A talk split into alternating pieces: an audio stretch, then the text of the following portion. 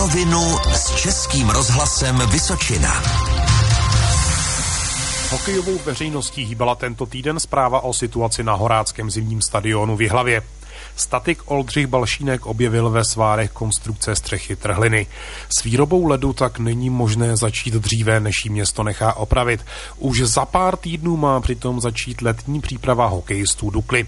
Téma pro dnešní pořad na rovinu. U jeho poslechu vás vítá a krásné nedělní odpoledne přeje Milan Soldán. Na rovinu. Koncem minulého týdne dostal jednatel Dukly hlava Bedřich Ščerban e-mail. Vedení města ho v něm informovalo o odkladu letošní sezóny ledu na Horáckém zimním stadionu. Statik, který tu před několika týdny prováděl měření, totiž objevil závady na konstrukci střechy. Byl jsem celkem nemile překvapený. V květnu tady probíhaly eh, trhací zkoušky a dělala se revize střechy a přišel mi e-mail, který mi oznamoval, že ten eh, stav střechy se podstatně zhoršil od poslední revize a že v současné době uh, nedoporučuje se zahájit uh, provoz zimního stadionu. Mm, znamená to pro nás vypracovat uh, krizový scénář, co by bylo kdyby.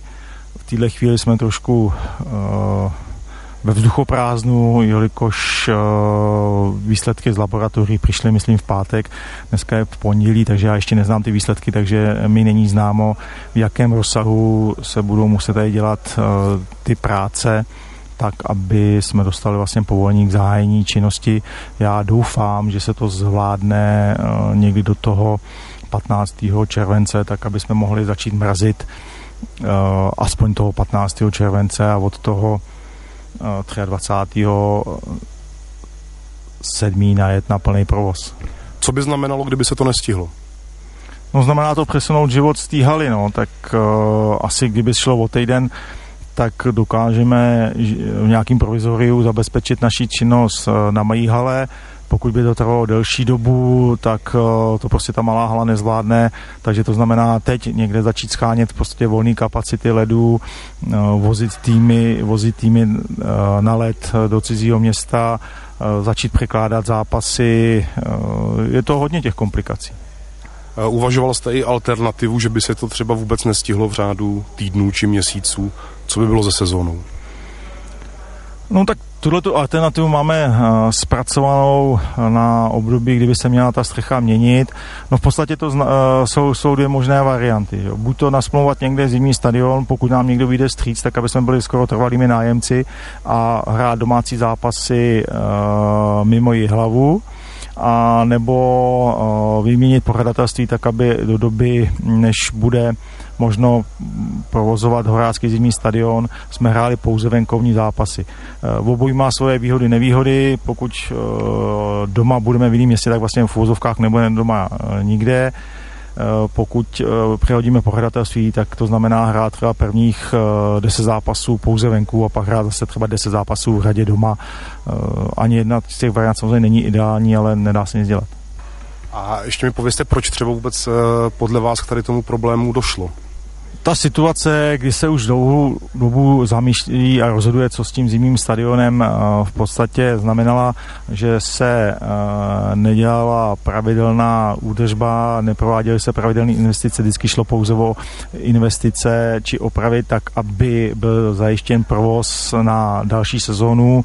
Eh, tomu samozřejmě rozumím, protože pokud byla i varianta, že tady se to bude bourat, tak jakékoliv investice jsou vyhozené peníze, protože se to pak třeba za rok stejně uh, zbourá.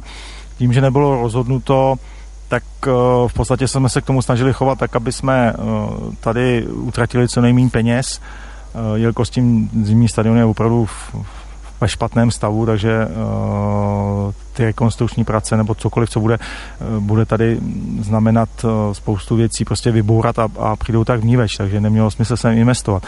Ale bohužel to rozhodnutí je neustále odkládáno z roku na rok a, a ten, uh, ten čas běžel a došlo to tak, až jsme v situaci, kdy je spousta věcí v havarijním stavu, včetně strojovny a včetně té střechy, která má vlastně, nebo měla životnost do září 2019 uh, a v této chvíli už to vlastně neplatí. Na rovinu s Českým rozhlasem Vysočina. To, jak se celá kauze vyvíjela dál, si teď rozebereme s redaktorkou Isabel de Arditio, která je teď se mnou ve studiu. Možná by bylo nejlepší si ale připomenout, jak to bylo na začátku. Proč tedy vlastně statik Oldřich Balšínek a jeho tým ten průzkum na Horáckém zimním stadionu dělali? Dobrý den. Oldřich Balšínek na Jihlavském zimáku nebyl poprvé. Měření tam prováděl už před šesti lety, kdy se ostatně jako nespočetněkrát rozhodovalo o tom, co bude se stadionem dál.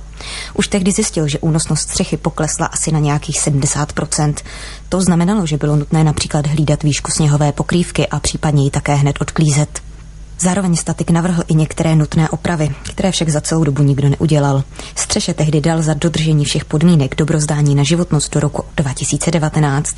Když se teď město rozhodlo, že střechu haly opraví, potřebovalo certifikát prodloužit. Nejdříve je totiž nutné zrekonstruovat také chlazení ledové plochy. Střecha má přijít na řadu až potom. Pozvalo tedy statika, aby prodloužení životnosti zajistil. Ten místo toho ale zjistil další problémy. Dobrý den.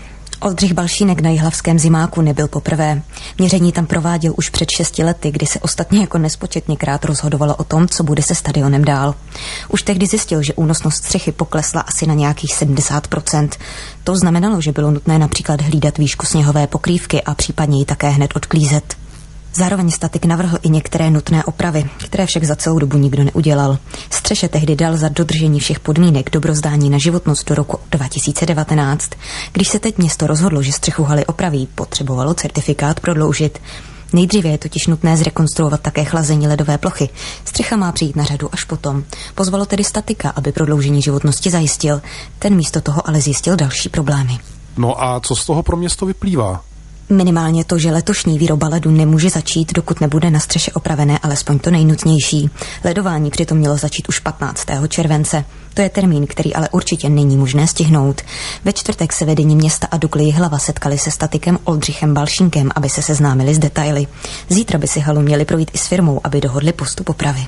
Jak se vlastně k celé záležitosti radnice staví? Asi tak, jak se dá očekávat. Zimní stadion je v hlavě velice citlivé téma, zvláště několik měsíců před volbami. Když se na počátku týdne objevily první zprávy o situaci na stadionu, vyvolalo to samozřejmě bouřlivou reakci fanoušků i hokejové veřejnosti.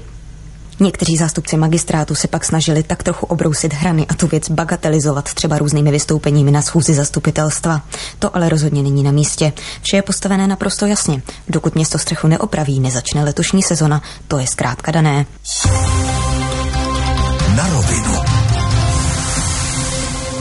Zítra už by město mělo vědět víc, mělo by mít k dispozici kompletní statickou zprávu a také harmonogram prací, tak jak budou probíhat, aby se ty opravy na střeše stihly co nejrychleji. My jsme v průběhu tohoto týdne natočili takové dva rozhovory s náměstkem primátora z hnutí Anoradkem Popelkou. Ten první nám poskytl v pondělí, kdy mělo město zatím k dispozici jen předběžnou zprávu statika. Je město schopné to vyřešit během jednoho měsíce, kdy vlastně ta lední plocha, že jo, už se tam měla dávat do měla začít letní příprava Dukly a teď vlastně ten stadion nebude možný používat, pokud tam nebudou upravený ty sváry. Tak hlavně je potřeba říct, že ještě nemáme statickou zprávu v ruce, takže my víme, že střecha je v eh, horším stavu, než se očekávalo, eh, což nás samozřejmě mrzí. A teďka čekáme na vyjádření statika, co s tím. Pravděpodobně letos v létě budou muset proběhnout nějaké dílčí opravy na stávající ocelové konstrukci, Eh, což má za následek, že budeme muset posunout eh, začátek sezóny ledu, vlastně eh, přípravy na velkém stadionu, na velké hale. Mm, let na malé hale může být v provozu, tam, tam se jako tohoto nic netýká. Uvidíme, nevíme v tuhle chvíli rozsah, takže čekáme. A co dál? Protože samozřejmě to je jedna z věcí. Na ten statický posudek se čekalo i kvůli tomu, v jakém vlastně pořadí budou zahájeny ty práce na té celkové rekonstrukci. Dotkne se to toho nějak? to je zase otázka. Pak, když nám statik dá nějaké doporučení na opravy a ty posunou životnost střechy o týdny, měsíce, roky, skutečně nevím, tak je stále ve hře možnost prohodit chlazení ze střechou. Nicméně my na to nečekáme a prostě plánujeme na příští rok výměnu střechy, Výběrové řízení v podstatě běží a nastartováno, takže čekáme, že se nám přihlásí nějaký dodavatel a do konce prázdnin nebo těsně po prázdninách vybereme vhodnou firmu, která tu výměnu provede. No a proč to vlastně dospělo do toho stádia? Teď ono už i po tom eh, poslední posudku, po tom posledním měření, která tohle bylo, tak ten statik doporučil, že některé věci by bylo nutné opravit nebo je třeba je udělat. Ptáte se dobře a ptáte se asi špatné osoby, protože já se tam úplně stejně. Prostě s tou opravou zimního stadionu se mělo začít uh, dávno, dávno před dnešním datumem. Uh, již v roce 2005 si nechalo město udělat dva nezávislé posudky, tedy v době, kdy kupovalo nebo přebíralo zimní stadion. Uh, a byly to posudky na to, v jakém je stadion stavu, co se s ním dá dělat, nedá dělat. Oba posudky naprosto nezávislé naznali, že opravovat stadion na stávajícím místě nebo ho dobudovávat není zrovna nejrozumnější řešení.